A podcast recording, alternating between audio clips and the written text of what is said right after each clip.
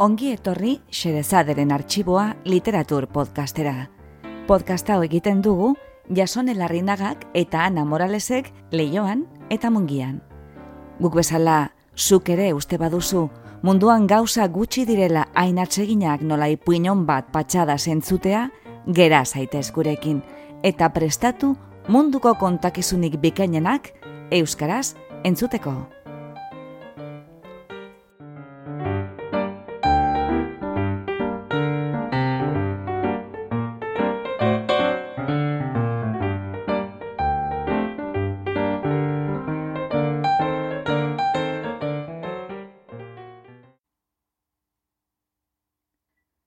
Gaur, xerezaderen arxiboan, perpetua zaraguetaren oroitzapenak.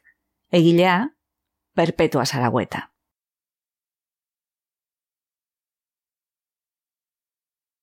Konturatuko sinetenez, xerezaderen arxiboan, gora berak izaten ditugu atal berriak argitaratzeko epeetan.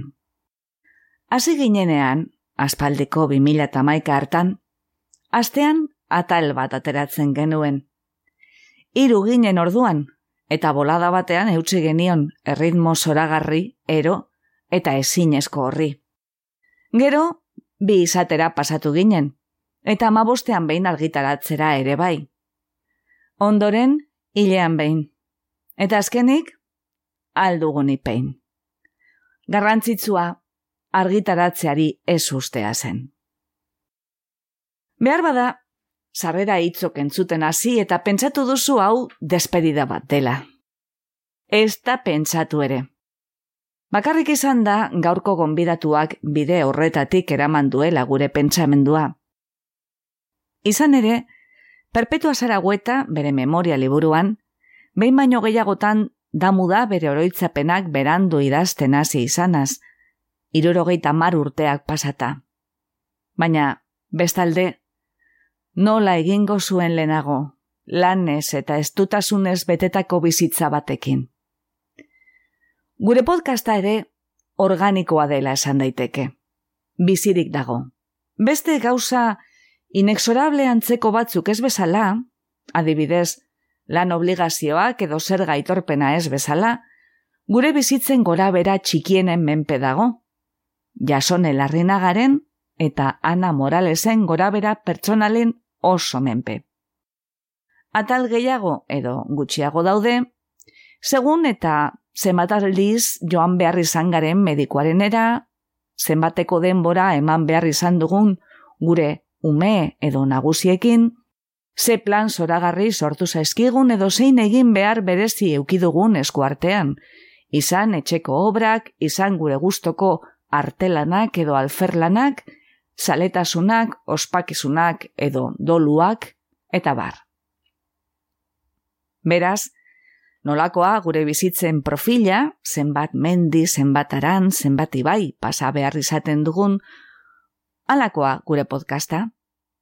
Baina, perpetua bezala, gu ere, berantetzita agian, baina, bagatoz, bagatoz. Gaur entzungo dituzun testuok, perpetua zaragoetaren oroitzapenak biltzen dituen liburutik atereak tira. Liburuak izena du, perpetua zaragoeta, esku idatziak eta iztegia. Eta Andres Inigo keritatu eta Euskaltzen diaren mendaur bilduman argitaratu zen 2000 eta maikan. Gure prediku partikularari ekin baino lehen, prediku bat bai dakargu gero, Andres Inigo editoreak liburuari egindako sarreran, Zaragoetaren bizitza egiten duen laburpena irakurriko dugu. Perpetua Zaragoeta Zaragoeta, erroi barko mezkiritz herrian jaiozen mila bederatzion eta bosteko abustuaren iruan, eta iruñean hil mila bederatzeun eta laroeta zeiko martxoaren hogeta zeian. Arakinenea izeneko etxean sortu zen, hogeiren bat urte arte sorterrian bizi izan zen. Eskolan ibilitako epea, laburra izan bazen ere, sei urtetan hasi eta amarretan utzi behar izan baitzuen, maixurik gabe gelditu zirelako, aitortzen zuen ongi aprobetsatutako urteak izan zirela. Tokatu zitzaien behin meineko maisuari esker. Hain zuzen ere, Manuel Luzarreta herriko semeak, bertako apeskargua hartzean, aurrak eskolarik gabe zeudela ikusita, bere burua eskaini zuelako zeregin horretarako. Horretan aritu zen la urtez, eta bai ongi aritu eren unbait, eritu eta utzi behar izan zuen arte. Euskaldun peto-peto haumen zen eta maizulanetan bikaina. Perpetuak zioenez, Luzarreta jauna izan zen ikasteko grina eta euskara balioetzi eta maitatzeko motivazioa sartu ziona. Gainera, apes eta maizu ura alegindu omen zen Juan Migueleneko neska argia iruñera bideratzen goi mailako ikasketak egin zitzan. Baina, gurasoentzat, pentsa ezina zen egoera ekonomiko hartan, amairu seme alabetatik zaharrena kanpora igortzea, lan egitera espaldin bazen. Horregatik, erabat bertzelakoa izan zen perpetuaren bizi ibilbidea. Amar urtetik aitzina, amari etxeko lanetan esezik, aitari ere nekazaritza eta abeltzaintza zereginetan laguntzen aritzea tokatu zitzaion maiz aski, eta aldi berean, josten ere ikasi zuen. Koskortu zenean, iruspala urte egin zituen iruñean neskame edo zerbitzari lanetan. Hogeita la urte inguru zituenean, bastango arizkun herrira joan behar izan zuen, purifikazioan bere amaren izeba alargundu berriari laguntzera. Izan ere, izeba hau, bosateko auzoan bizi zen, ostatu eta denda zen atxotenean, eta largun gelditzearekin bateratzu, besoa hautzi zitzaion. Etxeko martxarako urbileko norbaiten premia larri hartan, perpetuaren laguntza eskatu zion honen amari han egon zen garaian ezagutu zuen Trinidad Urtasun Marturet, iruritako beltraneko semea, bertsolaria afizioz eta okina ofizioz. Bastanalde guztian saltzen zen iruritako ogia, eta jakina, perpetua atxotenera iritsi zen ezgerostik, banatzelanetan aritzen zen trinirentzat, edo zein aitzaki aski izaten zen nunbait, etxe hartan behar adina geldialdi egiteko. Urte pare baten buruan eskondu ziren, mila bedatzeun eta hogeita maikako ustailaren hogeita bian. Eskontza, oizen bezala, Andregaiaren sorterrian izan zen, baina iruritara eskondu ziren. Han bizi izan ziren amabi bat urtez. Trineren lantokia etxeko okindegia zen, eta perpetua bera ere aritu zen banatze lanetan laguntzen. Horretarako, gida baimena atera behar izan zuen, eta jasotzera joan zenean, erran omen zioten, Nafarroan karneta atera zuen bigarren emakumea izan zela. Iruritan jaio ziren bizirik iraun zuten zei alabetatik lau. Mila bedatzeun eta berrogeita lauan iruñera joan ziren eta bertan jaio ziren bi alabagaztenak. Trinidad mila bedatzeun eta irurogeta mazortzian zendu zen eta perpetua mila bedatzeun eta larogeita zeian. Erran bezala, mezkedizko eskolako apesmaizuak bere biziko eragina izan zuen perpetuaren gan, beraren gandik jaso baitzituen bai eskolatzen maila ona, bai euskararikiko maitasuna. Sentimendu horrek eta euskararen alde ahalik eta gehien egiteko grinak bulkatu zuen hain zuzen ere euskaraz idaztera. Erran beharrik ez dago, Nafarroan garai horretan euskaraz idaztera ausartu ziren emakume bakarretakoa izan zela. Bi epe markatzen aldira bere idatzietan. Lehenbizikoa, gerra itzineko garaian egin zuen kasetari lana. Berak dioen bezala, Iruñeko El Pensamiento Navarro eta La Voz de Navarra egunkarietara igortzen zituen mezkiritzko berriak, bai eta baionako eskualduna eta donostiako argi aldizkarietara mezkiritzko eta arizkungo kronikak. prosan eta bertzoetan ematen zituen berriak. Izengoitie sinatzen zuen eta hauen artean aritza eta mendigibel ageri badira ere, txorrondo zen gehien erabili zuena. Meskiritzko bere sortetxea dagoen barridearen izena alegia. Bigarren epekoak dira, urteetan zehar eta batipat, bere bizitzaren azkeneko hamarkadan idatziak utzi nahi izan zituen urte luzeetako oroitzapenak. Erraterako familiako kontuak, fede eta erligioren ingurukoak, sorterriko deskribapenak, gertaerak, pasadizoak, lan kontuak, zailtasunak, nekeak, miseriak, bizipenak, biziposak, oiturak, esperientzia pertsonalak. Horietako sati batzuk eta egin zitzaizkion elkarrizketa eta grabazioetatik ateratako zenbait informazio plazaratu izan dira. Onaino bada, Andres Inigo egindako aurkezpenetik hartu dugun satia. Eta hemen txahazten da, xerezaderen predikua. Betidanik entzun dugu, Euskaldunok herri agrafoa izan garela, oso gutxi eta oso berandu idatzi dugula. Azken urteotako aurkikuntza soriontzua akordea, ala nola Joanes Lasarraga eta Estibalitz Sasiolaren testuenak, eta berrikitan askoitiko eskribauaren testu lirikoak, uste hori kolokan jartzen hasi dira, pitin bat bederen, gure poserako.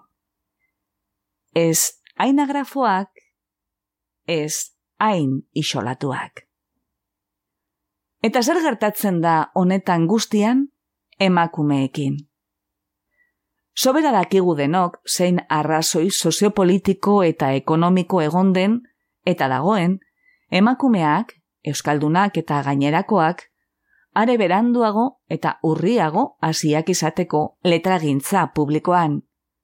Ezkuntzarik ez, independentzia ekonomikorik ez, eskubide politikorik ez, ez gara horretan orain luzatuko. Baina horri guztiari, gehitu behar zaio beste faktore bat. Esku argia eskuan hartuta bilatzen gabiltzala, non begiratzen dugun alegia. Askoitiko eskribauaren testuak, boste urte segon dira lo gure zain. Idatzita egon diren horriaren erdigunea, gaztelaniazko testuak okupatzen zuelako. Beharrezkoa izan da alako batean, begi soli batek, andre baten begiak, bidena bar, horriaren bazterrei erreparatzea, antxe, estu estu eta kontortzionismo alarde batean, enelastan gozo ederra irakurtzeko. Zein metafora adierazgarria. Otto eta Fritzen txiste hartan bezala, galdutako txampona kaleko argiak hartzen duen eremuaren barruan bilatuzkero? Nekez aurkituko ditugu ilunpean, ikusezin geratu diren txamponak, are altxorrak ere. Munduko beste toki batzuetan aspaldi konturatu ziren, kanonak emakumeak baztertu baditu, kanona bera dela kolokan jarri edo behartu eta zabaldu behar duguna. Bera kanporatutako horiek ager daitezen. Barbara Hernstein Smithek dio, kanonaren botere ikuse zinak, kiribil evaluatibo komplexu baten bidez kanporatu dituela emakumeak. Gizonek diktatu dituzte kanonean sartzeko bete beharreko arauak, gizonek idatzi dituzte arau horien araberako lanak, eta lan hori esen bitartez betikotu dituzte arauok eta kanona bera. Baina, beti trabitzkik dioenez, ez da zilegi ezoiko formak, zehazki forma pribatuak, ala nola, egunerokoak, oroitzapenak, kuaderno pertsonalak, autobiografia espiritualak, gutun pertsonalak, kantako toitzak amatasuna olkuak eta bar eta bar, kanonetik bastertzea beste barik literatur forma tradizionalak ez direlako. Emakume galarazia izan dute esfera publikoa. ikusi ezinak izan dira gehienetan gizonen plazan, baina emakumerik bada izan munduan. Eta beraz, beste zerrikitu batzuetan bilatu beharko ditugu haien emaitzak, eurak egondako lekuetan. Eta aztertu eta balioetzi beharko ditugu gizonen kanon tradizionalaren ez guztiz bestelako irizpidez. Bestalde, Trabitzkik berak gogoratzen duenez, emakumeek landu izan dituztenean tradizionalki literariotzat jo izan diren generoak, sarritan, erabilera pribaturako idatzi dituzte testuok, eta maiz ez dute argia inoiz ikusi. Edo egileak hil ondoren baino ez dira argitaratu. Xerezadek 2008an izan zuen perpetua zaragoetaren memoria liburuaren berri, eskolastikako josune muñozen bitartez. Izena entzun, kuaderno batean apuntatu, eta antxe geratu zen. Lotza dugu esatea, amar urte igaro behar izan direla liburu zoragarri horri arreta eman geniezaion. Berandu gabiltza, berandu. Euskal Herriko Unibertsitateak ere berandu dabiltza. Batek ere ez dauka oraindik gradu mailako ikasketarik ez generoaz, ez feminismoaz, ez emakumeen historiaz. Alakori palego, urtero, hainbat graduatu berri egongo lirateke, behar bezain jantziak, gradu amaierako lanetan eta doktore tesietan, ilunpe guzti horiek ondo miatzeko, eta figura berriak eta altxor berriak asaleratzeko. Asterlan geografiko, historiko, soziologiko, literarioak egiteko, ikerketa konparatiboak ontzeko, eta bar, eta bar. Perpetua zaraguetak ez izkion inori, bere oroitzapenak diktatu edo kontatu, beste kasu batzuetan gertatu izan den bezala, esate baterako Mikela Elisegik egin zuen moduan, horiek ere altxor bat dira. Perpetuak berak idatzi zituen kuadernoetan, eta haren idatzi guztiak oraindik ere ez dira argitaratu. Orain arte gainera, haien interes etnografikoan abarmendu izan da batez ere. Galduta dagoen kultura tradizionalaren berri ematen duelako eta leyenda edo ipuin tradizionala kontatzen dituelako. Baina ezin dugu nahiko azpimarratu Zaragoetaren testuen interesa emakumen esperientziaren testigantza paregabea diren aldetik, eta askotariko gaien gainean, emakume begira da eta usnarketa proiektatzen duten aldetik. Oso emakume argi eta zorrotz baten begirada eta usnarketa. Horrela, batetik, zehatz eta mehatz azaltzen ditu lehen pertsonan emakume gorputzaren bizipenak. Aurdunaldiak, umeia joberria galtzea, bularreko minbizia, amatasuna, higienari buruzko gogoetak eta bar. Bestetik, begirada femenino eta feminista batekin, termino hori espadarabil ere, diardu emakumei eskuntza eta duintasuna ukatzen dizkien diskriminazio patriarkalaz. Biziki markatu zuen txiki txikitatik, Bera jaio zenean bere aitak, umea neska zela jakitean, esan omen zuen esaldiak. Neska bat, saku bat agot. Hau da, neska bat izatea eta lasto saku bat izatea, dena bat. Esaldi hori behin eta berriro gogoratuko du zaraguetak bizitzan zehar, modu bereziki mingarrian, elduaroan, mehatzaritza negozioetan sartu zelarik, Zasi ingeniari batek esan zionean, esaldiaren oiartzuna den beste esaldi hau. Emakumeak sukaldera. Perpetuak zorrotz eta osen salatuko du genero injustizia eta elokuentzia saldarrikatuko du berdintasuna, horretan bere amatxiren hitzak gogora ekarriz. Jainkoak eskubideak eman zituenean, gizonek berentzat hartu zituzten guztiak. Aizpatasuna darie, bestalde, perpetuaren hitzei. Batetik, gogor mintzo da emakumeak lotzarazten dituzten bertzo gaiztoen kontra, adibidez, eta bestetik, elkartasuna eta aitortza dirazten die hainbat eta hainbat emakumeri beren triburazio eta bala entrietan. Berez, bere liburuaren bigarren parteak, indarra undiko emakumeak du izena, eta bertan, berrogeita zazpi emakume arrunt, baina miresgarriren berri ematen digu. Xerezaderen artxiboko beste atal baterako utzi behar izan dugu bigarren parte hori, bestela lau edo bost orduko saioa aterako litza egukelako gaurko hau. Bestalde, hainbat pasartetan, zaragoetaren ikus molde zabala nabarmentzen da askotariko gaietan, esaterako herrien eta hizkuntzen anistasunaren ederra saritzen denean, agoten kontrako bazterkeriaz diarduenean, Vatikanoaren bigarren kontzilioak Eliza Katolikoa irekitzeko ekarritako onurez mintzo delarik. Eta langileen lan baldintza penagarriez, edo habituak utzi nahi dituen elizgentearen eskubideaz eta eskatasunaz, eta bar, eta bar.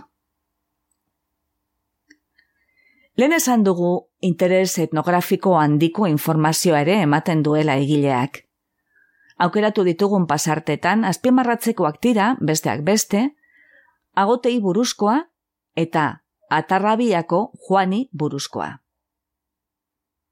Egiten dituen zenbait referentzia hobeto ulertzeko, esango dugu, agoten bazterketa justifikatzeko herriak zerabilen sineskeria zela, agotak zirela Jesukristok osatutako legendun edo leprosoen oinordekoak, Lukasen evangelioaren arabera, amar legendu naietatik, bakarrak eman zizkion eskerrak Jesukristori sendatzeagatik. Herriak zioen, esker txarreko beste bederatzi horien oinordeko zirela agotak, eta horregatik madarikatuak zeudela, eta kondenatuak urtero familia bakoitzeko bat lepra ziltzera. Atarrabiako Juan, bestalde, Mendebalde osoan ezagututako judu errariaren euskal bertsioa da. Judu erraria mito kristau antisemita bat da. Leiendaren arabera, judu batek ura ukatu zion Jesukristori, eta horregatik kondenatua izan zen munduaren akaber arte gelditu barik ibiltzera lekus leku. Ezin daiteke inoiz geratu, eta jan eta edan ere, oinez dabilela egin behar omen du. Amaitzeko, pare batiz gaurko atalaren euskerari buruz. Zaragoetak meskeritzeko euskaran idatzi zituen bere memoriak, berak asaltzen du hasieran zergatik, eta guk horrelaxe irakurri ditugu. Barka berak izan gure auskerarekin, arren. Testuok, zaragoetaren kuadernoetan esku idatzi bezalaxe transkribatu dira liburuan, euskera normatibotik aldetzen diren egiturak barne esate baterako nor nori nork eta nor nork aditz sistemen neutralizazioekin. Hau da, ikusi ninduen esan beharrean, ikusi zidan, esaten dugunean bezala. Eta bestelako solesismoekin. Testua irakurri nahi duzuenok, Euskaltzen diaren webgunean eros dezakezue paperean, edo bestela doan deskargatu PDF formatuan. Liburuaren amaieran editoreak iztegino bat ere paratu du irakurketan laguntzeko. Bestalde, pasarte bakoitzaren aurretik, izenburu moduko bat paratu dugu datorrenaren edukia laburbiltzen duena.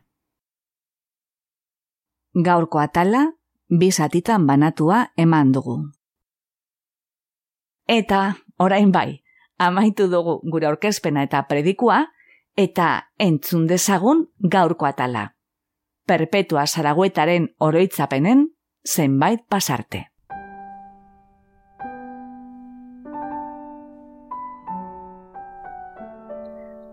Ala nola negua daien, udaberria agertzen da, eta nere biziko neguan egin behar dut alguzia urbiltzeagatik nere biziko udaberrira.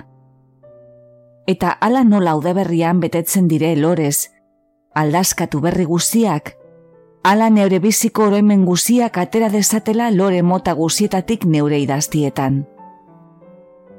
Egia da beti banuela, eta anitz denbora du, Nere bihotzean nahi bizi bat aspaldien agertu ezela idazteko neure oroimenak. Hasi neure amatxin ipui edo kontuekin eta altzina nere oraiko afera tikien eraino. Maite dut biurgone batean gelditu eta lasai oroituz eta sartuz neure oroimen guzietan eta gogoratuz, zer izan da nere bizia? Eta neure heldu diren guziari, zagarazi beren gogoan nere denborako euskaran, ni sortu nitzen herrikoan. Hori erraten dut zerengatik, oraiko ikastoletan erakusten dute euskera guziak batean eta ongi dago, baina nik orai ez dut bertzerik, zerengatik aurra horretik orai hartio izenda nerea eta hortan hitz egiten dut. Hori erakutsi dut eta hortan idatzi dut orai hartio. Ordu da, idaztekotan hasi nahien lehen baino lehen, zerengatik nere bizia badaie altzina. Hiruetan hogei eta mabietara noaie, eta tenore txarra du geroko ustea. Badaki jendean hitzek beren gazterian izan dituztela nik bezalako nahi berak, baino batzuek egin dutena bertze batzurek ez dute erdietzi. Ez da hasi ere ez dute egin. Eta nik hasi behar dut.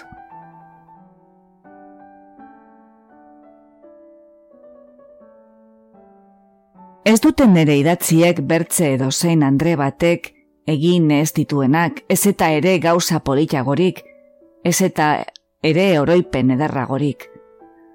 Bakarrik, neure gogoan hartua aspaldik egin nahi honek oroitesten dire gauza onak eta nere bizia pizten da, eta lorez betetzen da nere neguko denbora. Berriz ere denbora onak ekartzen du nere bihotzera alaitasun handi bat, gauza honetaz oroitzen naizelarik.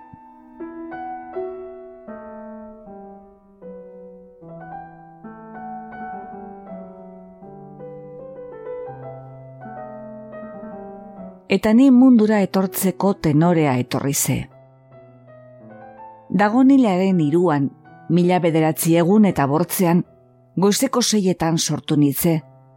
Hogei egun lentsago amak eroraldi bat ederra hartu zuelakotz. Nere amatxik erraten zue, luze eta mehar nitzala, eta nik erraten dut, mundu guziein behar Egun bat iruzkiz betea zela eta ni sortu nitze etxea ordu berean hartu zuelaik.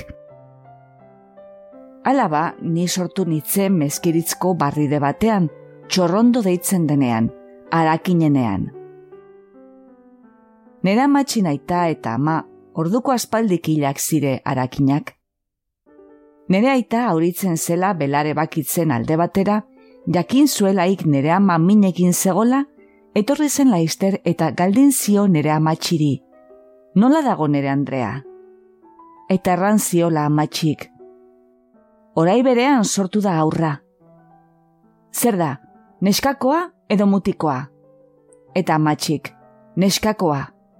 Eta nere aitak. Ba, saku bat agotz. Nere amatxiri, etzitzego ongi joan ateraldi hori bera poses betea zego, ama eta laba ongi ginela. Eta itak zertarako gogoaratu aurraren etorri beharrak. Itzori zeuri bakarretan entzunteko neure denboran. Egia da, neure denboran, egin nuela alguzia ez edazten niok agoztako iduki. Hemen dikarara badut zer erran. Itzaldi bat gaitza idazteko, eta denak gertatuak. Ez du zeta zerran ala ez dena. Bizi batean gertera anitz izaten da. Orain mila berregun urte hasi izan bazire zazpi Euskal Herri guzian erraten beren biziko aferak, orain akinen gindue orai ez dakigun gauza anitz, eta ohitura eta gertaerekin aberatsago izanen zegur herria. Eta orai mila bederatzi egun eta lauetan hogei urte dela hasi bazire, hobe.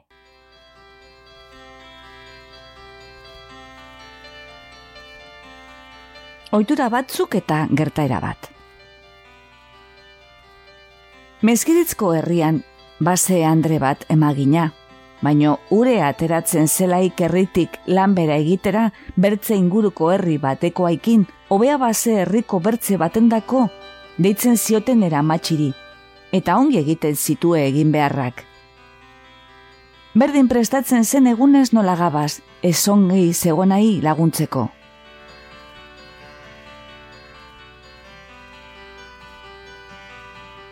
Lehenago, urik etzelaik etxetan, arropa zikinek garbitzera joaten ginen negu minean estalpe batean.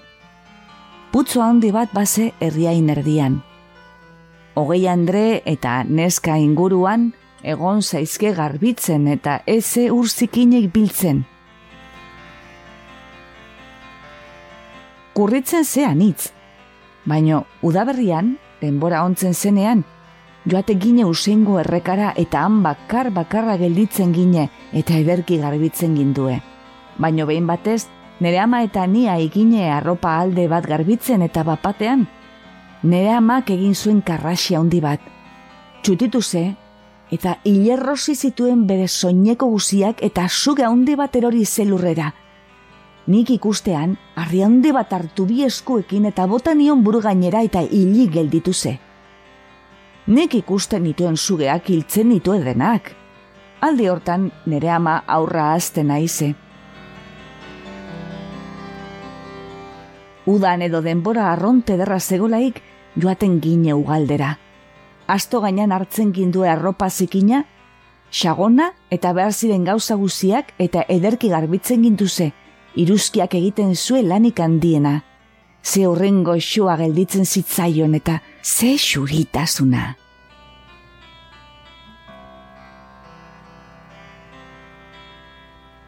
Berreguko mendian kontu handia ikin erabili behar da. Han daude leze gehienak, lezerean ere badire, eta sakarte buruan ere bai. Bat oso handia, deitzen da leze motz. Arara botatzen baduzue harri batzuk larriak, denbora inburuan aitzen da arroitu handiak harriek egiten sustenak, jotzen zutenak saietzetan. Nere amatxik erraten zuen leze hortara bota zutela karlistek bertze aldeko manazale baten Andrea, bilabete buruan aurra izan beharra, meskiritzko paskualenean bizizena. Eta berreguko batera, erorize zazpi urteko mutiko bat, apesui delako etxeko semea, hartzai zegona bertze lagun batekin. Honei atera ziote lezetik nere aitak eta justo manuelain etxekuak.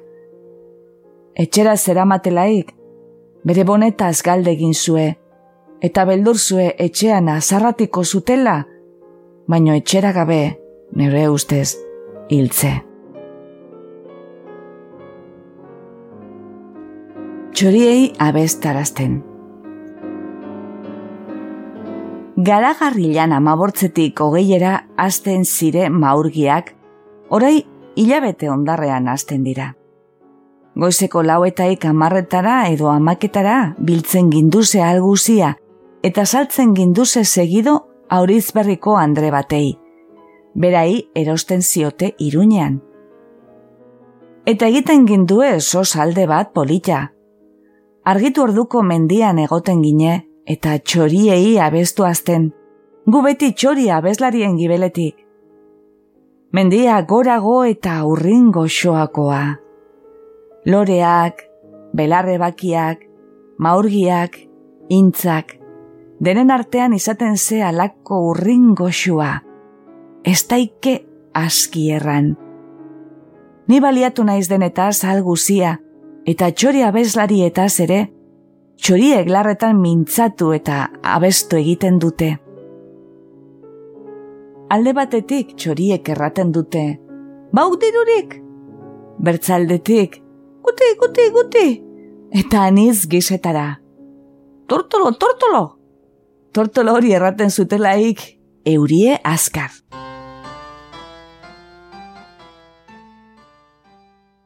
Nere aitatxin ontar egunak aitatxi hil zelai, elurraldi handi bat bazego denetik. Mila bederatzi egun eta amarrean ibeltzaren hogeita iruan hil zen. nik la urte eta bortzila bete nitue. Urbilen epailaren lemexiko astean, hartu zire bere bi esku beroen artean, hartu zuen ere hotza, eta eremen zire erleak ziren tokira amatxik, eta erlauntza guzietan Josue pixka bat deitu zerlei, eta erranez, zuen eta nere nagusia hilda, egin zazi argizeri gehiago. Eta erlauntza guzietan entzun ze marmarraldi bat, eta joan gine geuren etxera. Udazkenean etorri ze argizari biltzeko eguna eta erran zute busken ere argizeri gehiago egin zutela. Gero egun oro base argizari auserki aitetxin elizako hobian eta urtean hitzez biztu bere hobian bi argizari bedere. Euskal Herrian argia begiratzen da egunero argi dezaten hilen bidea azeruraino, hori izen da sinesmen bat aspaldikoa.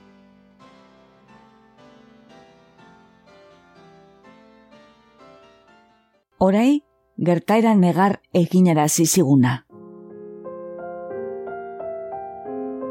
San Juan goizean, garagarrilain hogeita lauean, mile bederatzi egun eta amabortzean, ez nue usten eraita arrisko handietan erabiltzen zela guri azteatik, ez da buruan pasatzen ere, baino aurrak gine eta etze guk jakiteko gauza. Nigo izartan ez nue entzuten batrea sotzik, jaikita joan itzea amaren gelara eta gaixoan negar minak hartua zego galde egin nio ia zertzuen, baino ezin aterazi nio eta azkenean errazire. Zure aita jo dute anitz eta eruñara ere mandute giltzepera.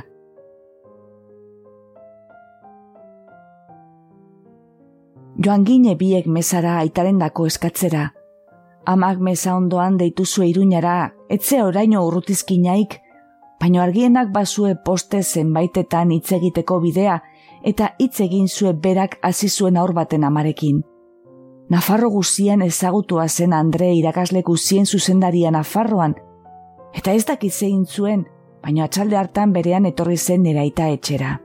Gisa joa. Dena kolpatua, dena odolguriz betea.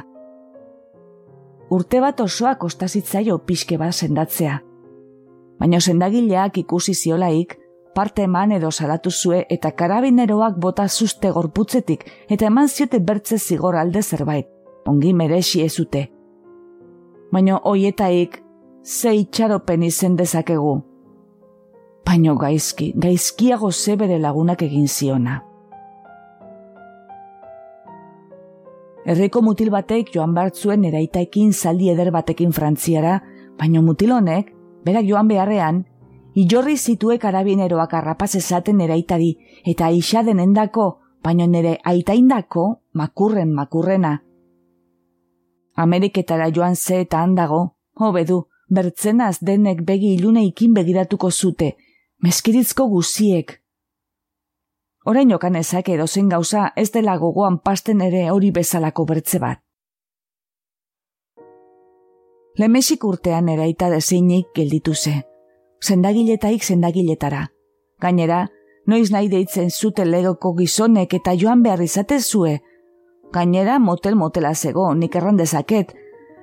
Arrepatu zekoten gibeletik, urte batean gure hazien da joan zen eta deus gabe gelditu ginela. Behi eta aratxe bagindue bederatzi buru, bibe hor, eta multa eta bertzara tonatekin deus ere etzigute utzi. Eta egun batean etorri zire laugizon baitutzera etxe berria, eta orduen era matxe atera ze, eta erran ziote. Noren etxea baitu behar duzie. Etxea eta lurrak nere tire, eta nera labain zenarrak ez eta labak ere ez dut deus egiteko ebekin. Paperetan erraten du arenak tirela. Nondire paperroiek? Bai, zure gizona hiltzaikin paratu dute zure alabain zenarrain izenean. Amatxik, nok manatu ikesetan nere zenarrain izenean ere? Nere aitak eta amak neretak utziak dire, eta oraino nik ez du bere orendako geldituko diren, oraino ni bizi naiz. Orduan joan zire gizonak deus erdietzi gabe.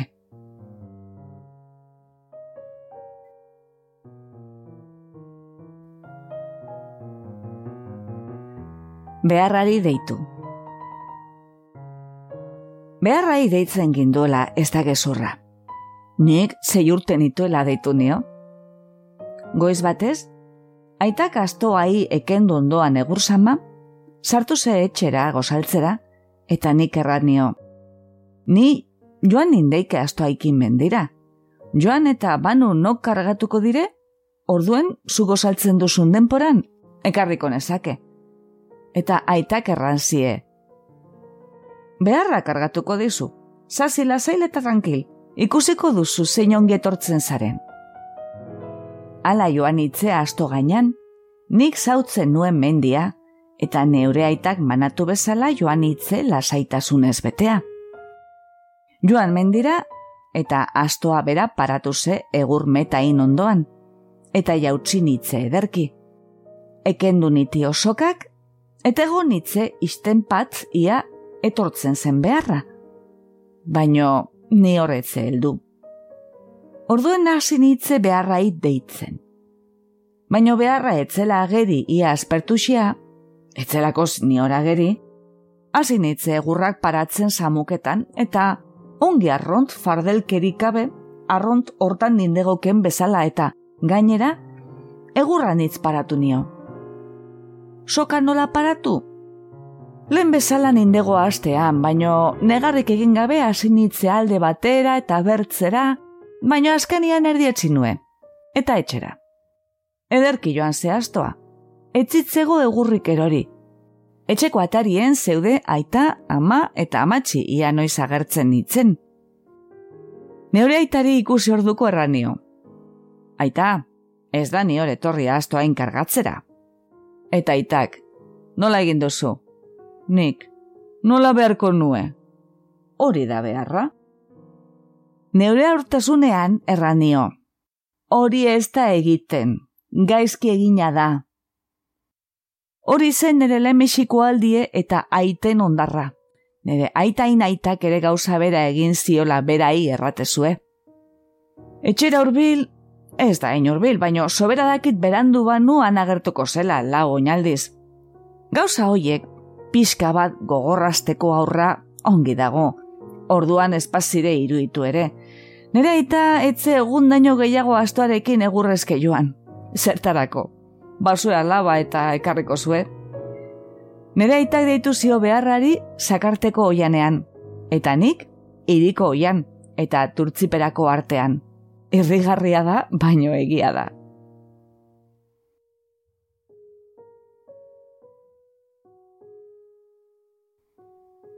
Mila bederatzieun eta masortziko gripea.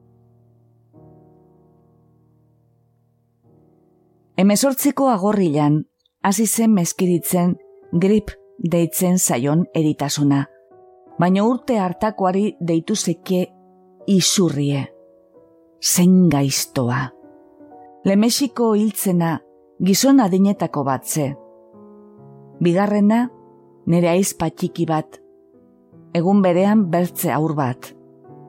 Denbora ederra zego, baina horrengatik zin pizanpa hasi ze jendea hiltzen. Meskiritz errikikia da, baina izan ziren egunak hiru hiltzirenak, eta ez dakiz zenbat egunez gertatu zen hori.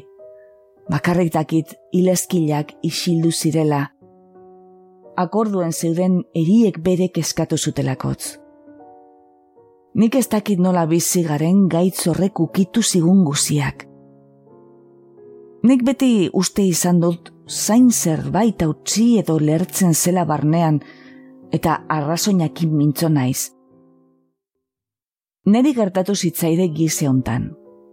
Amairu urte bete berriak, sukarra undi batekin, guatzean nindego, ez nuen batre ezaugerik, gau guzia ametzetan gau hartan hil ziren irumutilekin. Nik ez nekien eri zirela ere gogoan pasatzen ere. Ietai batekin borrokan ametsetan eta inderraldi batean gelditu nitze arront akordurikabe. Ez daki zer gertatu zen, baino biramonean nire kuartoan, salan. Dena dela han sartu zen lehenbixikoak oi ondi bat egin zuela eta ni, ilitzerri nintzela, eta oroitzen naiz nola odol guziz estalian indegola, baina ez dut egun daino gogoratu no garbitu ziran. Berriz akorduik gabe gelditu nintze eta ez dakit noiz hartio. Beti uste izen dut nahi eta ez, ongi kosta zela nere garbitzea eta aldatzea neroi eta guatzeko arropa guzia. Badaki zendagileak anitz joan etorri egin zuela nere txera, baina ez nitze oroitzen deustaz, ez eta ere herriko andre bat joaten zena pizka bat garbitzera eriei. Nereitak ere nere gizako odol joatea izen zuen. Nere amai odol joate hori eman zio beiti, zendagileak uste zue beti odol guzia joan zizeiola, arrond gaizki gelditu ze. Aizpa batek edo bertzeak ere sudurretatik izan zue, kosta zitzeigu sendatzea denei, baino gehiagoena amai, aitai eta niri. Amatxik ere izen zue, baino azte bat guatzean aski izan zue, gero gutira hasi zen hobekitzen, baino guk udaberria eta altzinatua etxetik lemisiko ateraldia egin genduelaik. Alako grip ez dut egun deino gehiago ezagutu. Etzue adin bat ere barkatu. Izire aurrak, mutilak, Andre aurri izan beharra gizon eta Andre adinetakoak. Gainera, gelitu zire aski dezinak zenbait, bat erbala edo erbaltua, bihotzera ukituak ere. Gero denbora inburuen, hilzire gutira gutira. Baina urte berean ere hiltzire bakar batzuk. Gero jakiten gindue. Guri kosta zitzeiguan nitz sendatzea baina kosteik ere atera gine altzina denak jaunari eskerrak. Nere bi osaba ibiltzen zire hilako bitokira ere maten, eta bere etzekote ukitu eritasunak deustako. Uste dut etzera gelditu eritu gabe ez da amar ere herri guzian. Hil guziak goian beude, eta ez da hiela egundaino alako eritasunik atera sekula.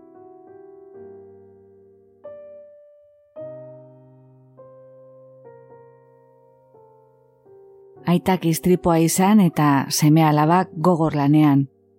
Perpetua oso gaixorik bizkarreko minaz eta egurrezko oantzean.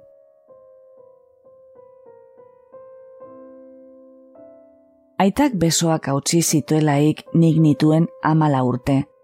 Nere anaiak emeretzi hilabete gutxiago eta hirugarrenak amekaterdi. Ze hiru langile, baina hiruak ongi elkarrekin hartuak, lanak egiten zie eta ongi, sobera ongi gura dina indako. Nik egiten nue alguzia sendatzi aitik aita, baino nere bizkarreko minak gero eta gehiago sentizire, eta egin alguziak egiten nitue eskulan mota guziak ikasteko. Eta negua hasi baino lehen, hasi nitze gereine joaten goizoro ikastera goizetik eskuz brodatzen, eta atxaldetan lankaia ikin. Makina erderaz, brodatzen bialdetara, eskuz eta lankaiaikin. Ilabete terdietan ikasi nuean hitz bi aldetara, denbora txarrean lan anitz egiten nue. Baina denek uste zuteen nuela ikasi behar. Baina nere oinazeak obediezi zidatel zendagilei eta olesko guatzera sartu nintze. Languziak utzi eta olesko guatzean. Erraten da ise aski, baino beti gora beide eta lako gogorkerian, ez da batre goxua. Gainera, beti lanean aratonat erabili bazera, oraino makurrago da. Nere eskulanetako irakaslea gelditu ze arritua zenbat gauza egin nuen hain denbora gutiz. Puntu eta enkaje, mota guztietarik ikasi nue, baino guatzean ez ikasia bezala, geldik egon beharran itze. Egon ere, baino hiru hilabete egon nintzen non baiten. Baino laugarrenean hasi nitze oinazea handi bat, gero eta geago eskeralde guzi hartuz bururaino.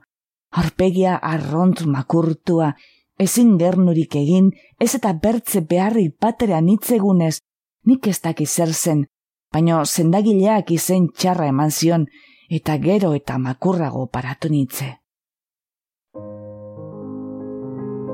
Zendagileak etzeki ezer egin eta zer erran. Nereita eta ama utzi zituen egarrez beteak, apesa ekarri azizue zendagileak berak, aitortu nitze eta eman zire gure jauna galdinezia makurtze banintze, nahi nuen oliodure hartu, eta erran nio naizuelaik ematen alzirela. Etzire eman hartxaldean, iluntzean izan zelaik zendagilea iduitu zitzaio arront gaizki nitzela, eta razue uste zuela ziurtatzera nere hiltzea etorriko zela munean. Hain gaizki utzi zielarik zendagileak, amak irakurri zire mirabe bat Bartzelonan gertatua. Errate zue irurteko mutiko batena ilonduan piztua izan zela, eta nik neure mingain motela ikin erran nuen. Oraino niena izil. Erran zire, ez duzu hilbear ere oraino. Ez dakize otoitz egin zuen, baino erran zue. Hemengo elizan apesak emain du zuzendatzeko meza bat biergo izean, eta zure aizpa joainde gereinie, anatera dezan Xabierko Francisco deunari, eta sinesmen handi batekin eska dezagun denek eta ikusiko zu nola sendatuko zaren olio utzeikin eman zire behar bada hogeita margarren labati ba. Baino, bertzetan bezala, deus garbitasunik egin gabe ateraze. Ola zego nere gorputza, ola bezala.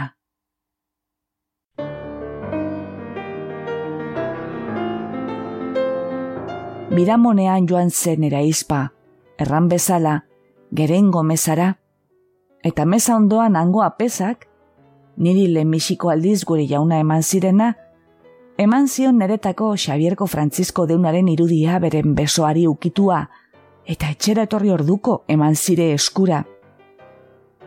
Eta nik paratu nue segido eskerreko aldian, mina undienak nituen tokien, eta segido ezagutu nuen zendatuan itzela, oinazea ekendu ze segido, eta atera behar guziak atera zire, nere gorputza ari induzela izter.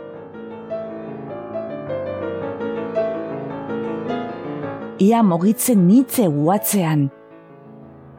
Erran bezala etorri ze segido zendagilea eta rantzuen, ze pasatzen da hemen, eta amak errazio.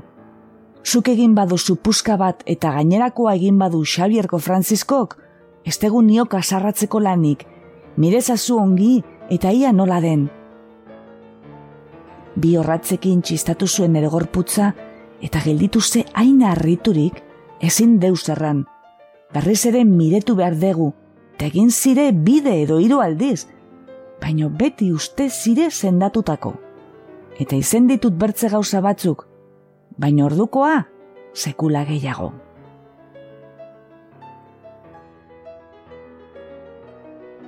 Nere aitak eta amak eskaindu ziote zainduari joain ginela Xabierrera eskerrak ematera. Urbile maiatzaren lehenean joan gine, baino aski bide makurrak dire joan eta etortzeko meskiriztik arara eta xabertik meskiritze. Han galderak egin zigute zehaz joan ginen eta rangin dekote dena zen bezala. Bizkarreko oinaziak ere gutitu zire. Baina hogei urte gora bera, atera zire berriz.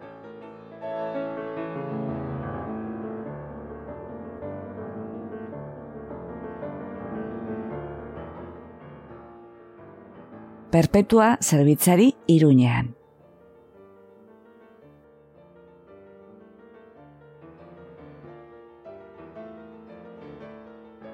Urbilen udaberrian izenue bertze gertaera bat zerbitzuen nindegonen gatik.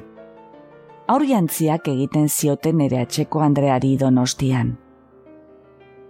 Donostitik jortzen ziote.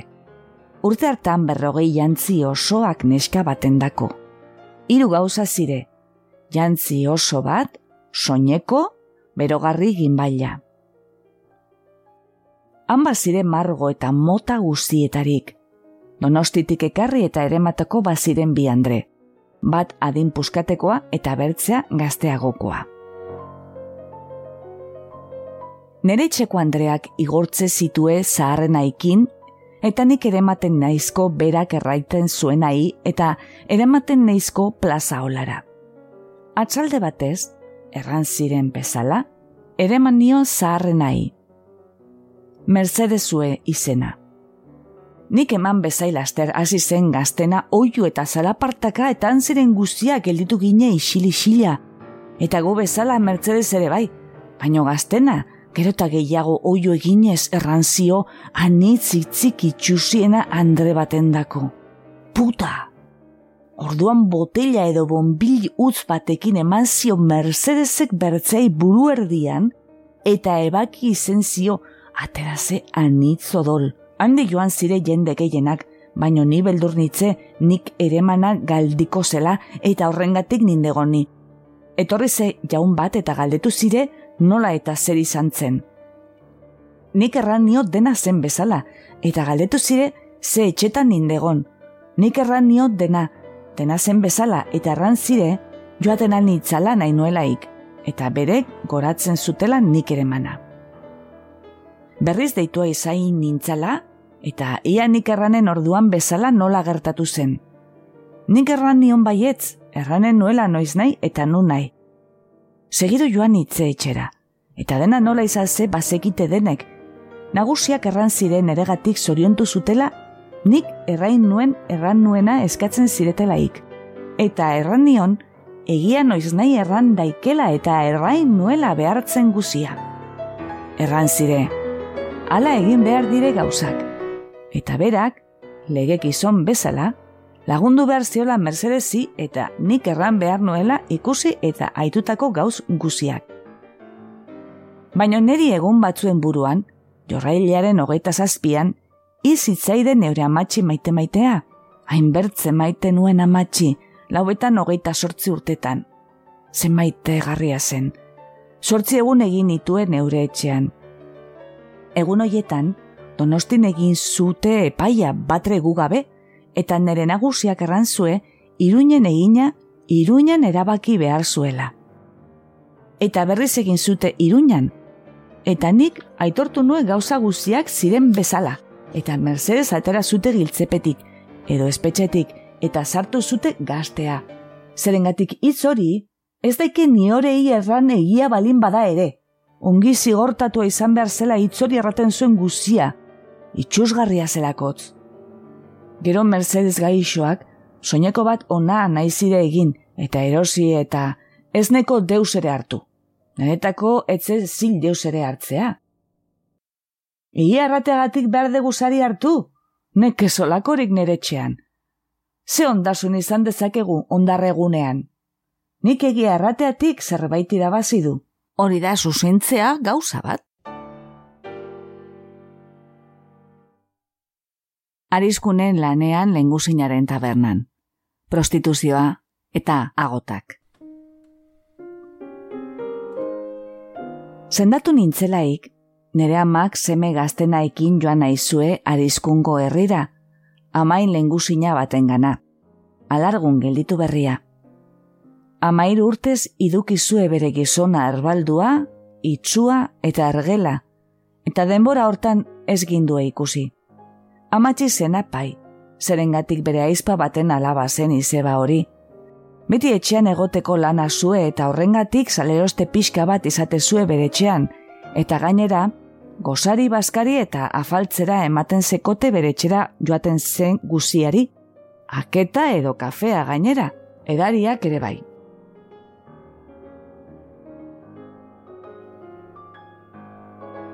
Eta goiz eder batez joan gine hiruak ama, anaia gaztena eta ni. Iruñatik arat, arront okaituik joan nintze. Gizon askar bat arront lizune idurizue gorputz guztitik, ala idurizue eta, gainera joan nintze arront aserre haren auserkikerian eta aixa botatzen eskuen noran nahi, nik itzuli nio, erran eta eman batean, beharrezaldeko ederra. Eta erran, bakean usteko edo oroitiko zelanitaz, baino buru utza duenai zerekin bete. Ni aspertu nitze eta atzinertu noe izebain etxere igaro ginelarik. Biaren monean joaze Andre Poli bat bere aurreikin izebaren etxera gauza eske, eta segido erran nio izebai. Izeba, atzoko gizon ure, unen zenarra da? Irri izazi zen, eta erran zire. Zeta ziruditzen zaizu? Erran nion. Aurra hau ure iduri iduri eda, haren gana da. Andrearek erran zire. Bai, arrazoin duzu. Aurra, arena da. Baino ez da nere zenarra. Ni harritu nitze. Zena ise erraten zute gauza haiek. Baino isildu nitze, meldur nue, errain zirela ler gauze aituen nituenak oraino. Eta etzego urrun, erran zigu. Bortz aurrekin gelditu nitze alargun, eta egun guzia arropa garbitzen irazten dut bortz pezeta. Nik, bortz pestekin, ez dut deustako, eta jatera eman behar daiet, zer egin behar dut. Eta lan hortan, ematen direte bertze bortz, eta hori egin dezake aldi gehiagoz.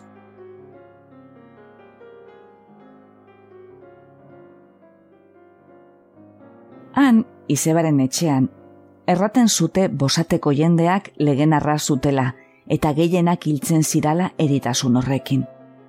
Ni galdegin nioze eritasun zen hori, eta erran zire dena agotena zela.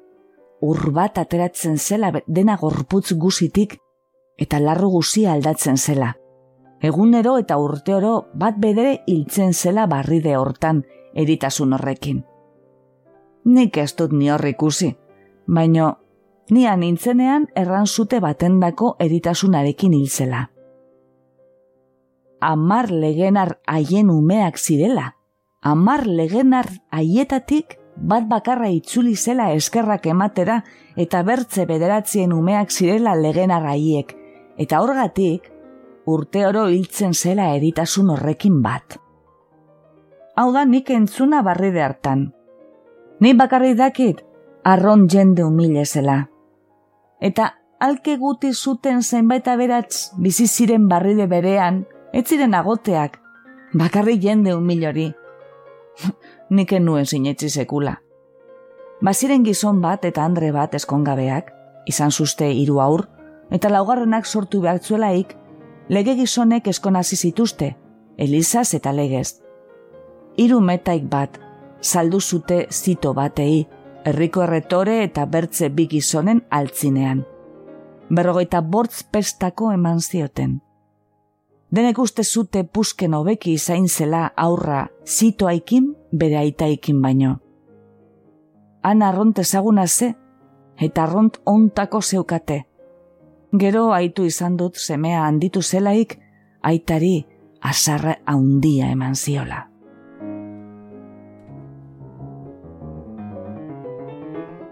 Lamiarritako gauza zerbait erraten zute. Lamirritzen arri zabal haietan garbitzen zutela lamiek beren arropak. Toki politek dire oie guziek. Baino ez duten maite deitzea agoteak. Batek ikustean erraten zioterderaz. Agotaz, agotaz. Baditu nire zenarrak bertso berriak eginak agote eta zituen dako baino nik ez dut maite niorei irri egitea sortu direlako stoki batean edo bertzean. Zer erra nahi du? Nok hautatu du bere sortzeko sakua? Niok? Jinkoak, iorri digu berak nahi zuenetara, nahi zuen tokian, nahi zuen orduan. Eta hemen gaude, berak nahi duelakoz, nahi duen artio.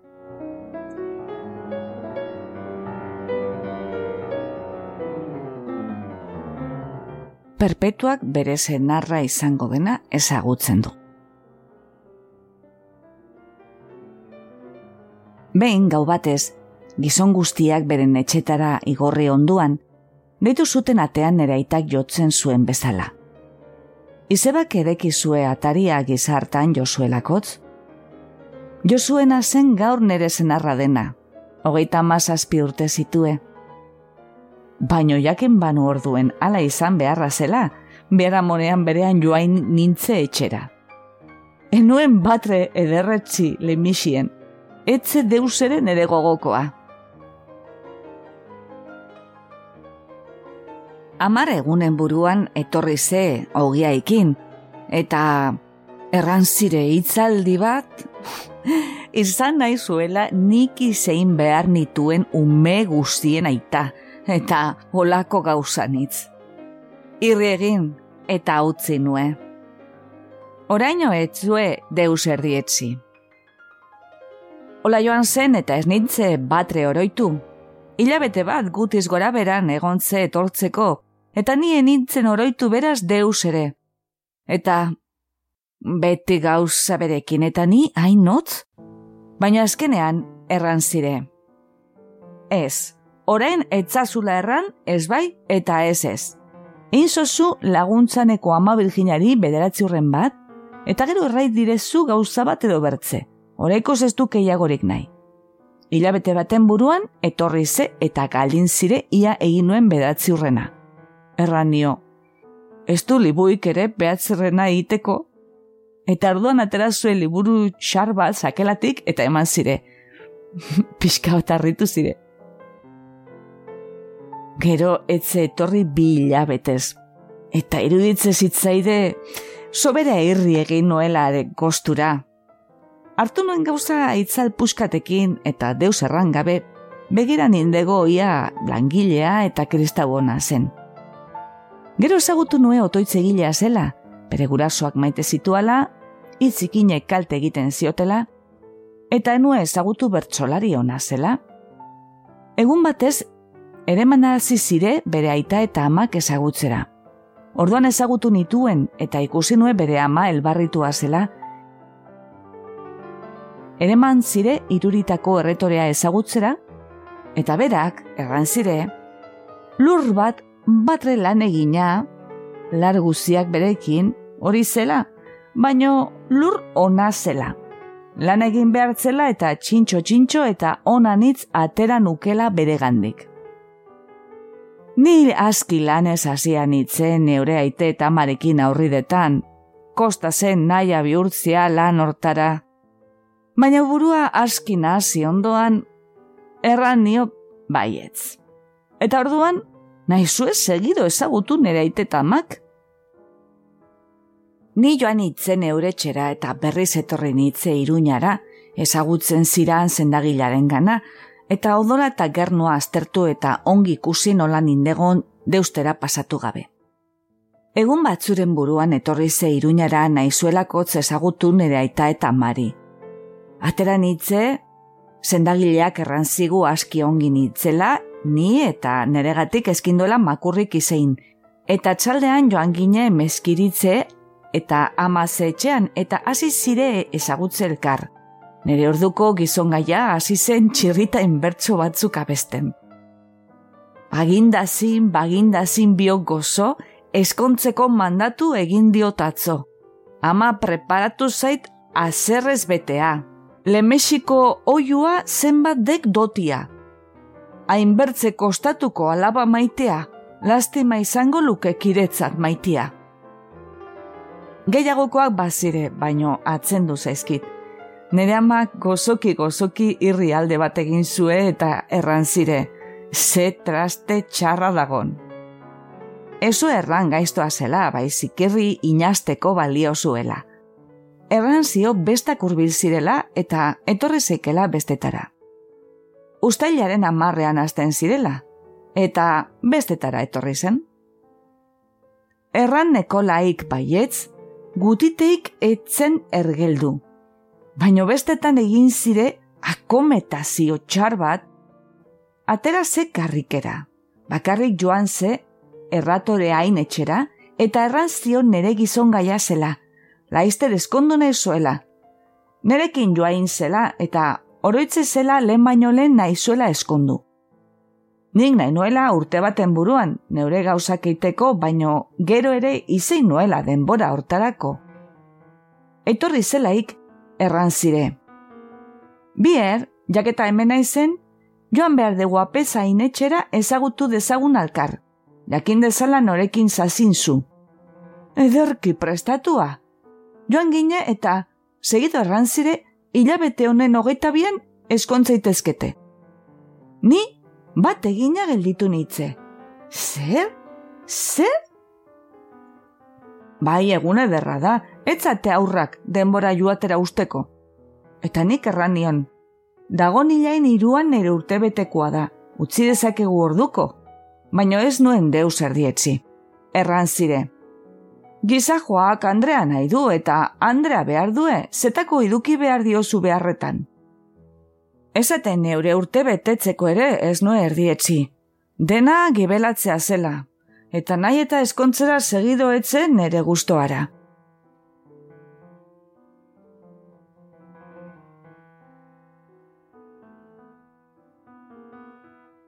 perpetuaren eskontza. Ez ziren niok nik nahi nuena erdietzi, eta nere eskulana gibelera eta goatze arropa zerbait egin nue, geurek izan gindezaken geuren guaitza indeko. Soinekoak egin ziguzte hogeita bieko, erastunak erosigin duze eta behar gauzak gehienak, baino sobera laster geurendako. Neure aitan aitari, neuronek erran nion eskontzen itzela iruritako mutil batekin, eta erran zire. Neska, urrunera, eltzeak, urrezkoak tun, ilegatu eta lurrezkoak. Giza joa, ongi gogoan neukidut neure denboran esaira zaharrau. Gure eskontzeko paperak irakurri zire emeretzian, Atxaldean mutilek hartu zute herriko ostatuan bere Anogia, ardua, aketa edo kafia bertze dari batzuekin. Andre gaia inaitak saritzen du. Aspaldiko ohitura da. Gero, gabaz, mutilek abesten ziote berek egin zuten abestiak Andre gaian ohoretan. Nik astelean eta astean hartu nitue eskutitz batzu batre izenpetu gabe nire gizon gaia lurpean paratutzen zute, eta niri goratuz, baino beti uste izan dut nik, botaikeko kalabaza haundia hien atzitik atera zirela bi eskutitzak. Eskondu gine mila bederatzi egun eta hogeita mekan ustailaren hogeita bian.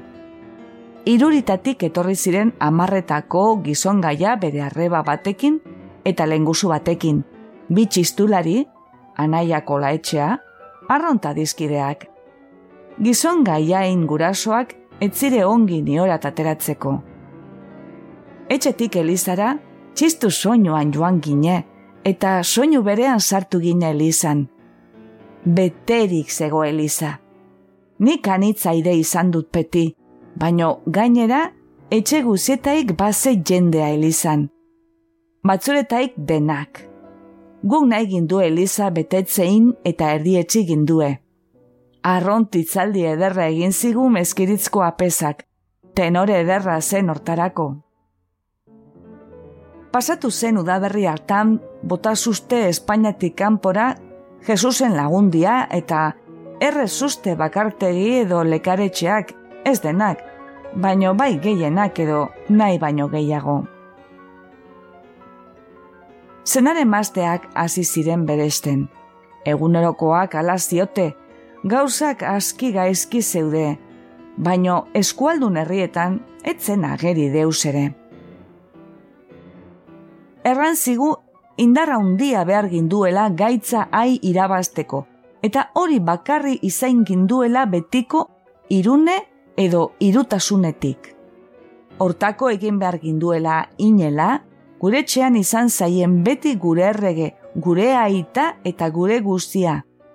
Eta orduan egin zen edo hasi zen zenide berri bat indar haundie behartzuena eta hartu ginduen sakramentuak emain zigula behar guztia. Gehienek hartu zute gure jauna gurekin batio. Eliza besta ederra izan ze. Elizatik atera eta txistu soinuan karrika dantzan joan gine etxera baino bidean gelditzen zigute, nire aita hain sortu etxean, aitetxienan, amatxinan, denetan gelditu, eta goxogarriak ardo on zerbaitekin atera zute denentzat. Baino nik egundaino enuen hartu eta orduan ere ez, gauza hoiek ez ditut maite izan. Etxean, neure etxean, hartu nue beti bezala aketa esne txorta batekin, eta arrazi niote nahi zuten guziei. Hartu bezarkada bat, eta aita eta aita txikin joan gine horreagara bezarkadat lore ederrekin zeruko amarentzat, ematera eskerrak eta eskatzera behar ginduen gauza guziak. Etorri ginela ikorreagatik, erran ziren ere amak. Zuekan zinetelaik etorri da Genaro Larraioz bere biribila undiarekin, ekarri du zaku irinie eun kilokoa, eta eman diot bortzegun pestakoa saritzeko, eta etzue itzultzekoik. Orduan, enuen bertzerik eta zure zenarrak utzi dituen iruetan hogei eta bortz pesetak eman dizkiot. Bai, erranio. Ongi dago, ongi. Agotza irin eginda. Ni sortu nintzelaik, nera itak erran zuen neretako, zaku bat agotz. Orain, idin bihurtu da, ongi dago, etzue ez gehiago eta ez gutiago balio nire zenarrak eman zuena. Baskaria handia eta ona egin ze, eta atxaldian errigusia dantzatu zen larrain batean. Nik baskaldu nuen ere aitetxi eta nere amaren artean, geuren etxean kokatu gine denak, ni egon nitze dantzari guziei beide, eta nere zenarra dantzatu zen nere aizpa batekin, Nik enuen maite dantzen euretako, baino maite nue ikustea eta hori egin nue, nire zenarraikin nire aizpa bat. Herri guzia beren lana utzik etorri zen dantzara, zer gehiago nahi izan nuke. Nik ikusten denak dantza nahi ziela, lasa, lasa egon nitze. Afaltzen ere, iruetan hogei zeurik baziren. Lehen guzuainitz izeteaikin, ala bilduzea afaltzera jende aski, baino biara monean ere gozari bazkari eta afari, bezperan bezala jendean hitzekin. Dantzare berdin, biziki eder izen zerena. Eskondu biara monean, goizeko amarretan izan gindue elizan mesa zandua, hilak ziren aire guziak, haien guziendako izan zen mesa eta elizan jendean hitz bilduze guk geure etxean egin ginduelo, baina zango sartu gabe eguatzean arrosario errezatu gindue belauriko biek. Eta oraino hala egiten degu, orai jarrite, belauriko ez da erras. Nik aitu izan dut mesa zandua biaramonean ematea ilguzien dako, aspaldiko ohitura eder bat dela Euskal Herri guzian. Nik nire bortzalabak eskontzean egin dut denetan, berak joan ikurrunik ere hilendako izenda bere mesa eskondu biara monean. Gauza honak, ez dire galdu behar eta gutiago geuren hilendako baldin bada.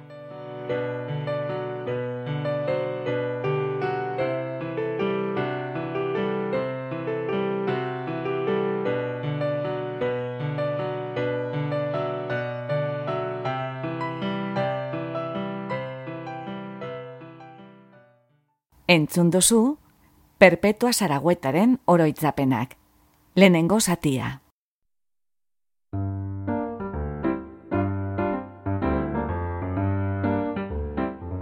Xerezaderen artxiboko atal bat entzun duzu. Gure doinua da Charleston Behind the Attic Door, Dance of the Wind taldearena. Bizitatu gure bloga, gure audioak deskargatzeko edo online entzuteko. irubebikoitz.a xerezade.org Xerezade, isaz idazten da gogoratu. Eta ez haztu iruzkinak ustea. Podcast hau egiten dugu jasone larrinagak eta ana moralesek leioan eta mungian. Xerezaderen artxiboko atal guztiak emititzen dira bilboiria irratian eta arrosa zarean. Mila esker gurera hurbiltzeagatik, gustora egon bazara, erdu urrengo batean ostera ere, xerezaderen artxibora. Laster arte!